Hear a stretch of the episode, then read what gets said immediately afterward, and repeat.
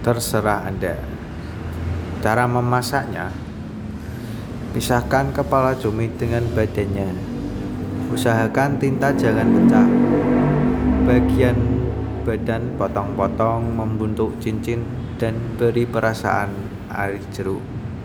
Diamkan hingga 10 menit lalu cuci bersih. Tumis bawang merah dan putih sampai agak gosong kecoklatan di atas wajan. Kemudian masukkan jeruk dan cabai. Aduk rata.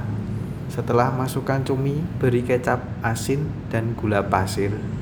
Jika ada minyak ikan dan raja rasa bisa ditambahkan.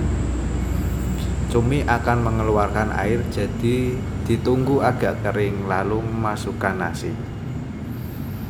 Setelah nasi diaduk rata, lalu beri garam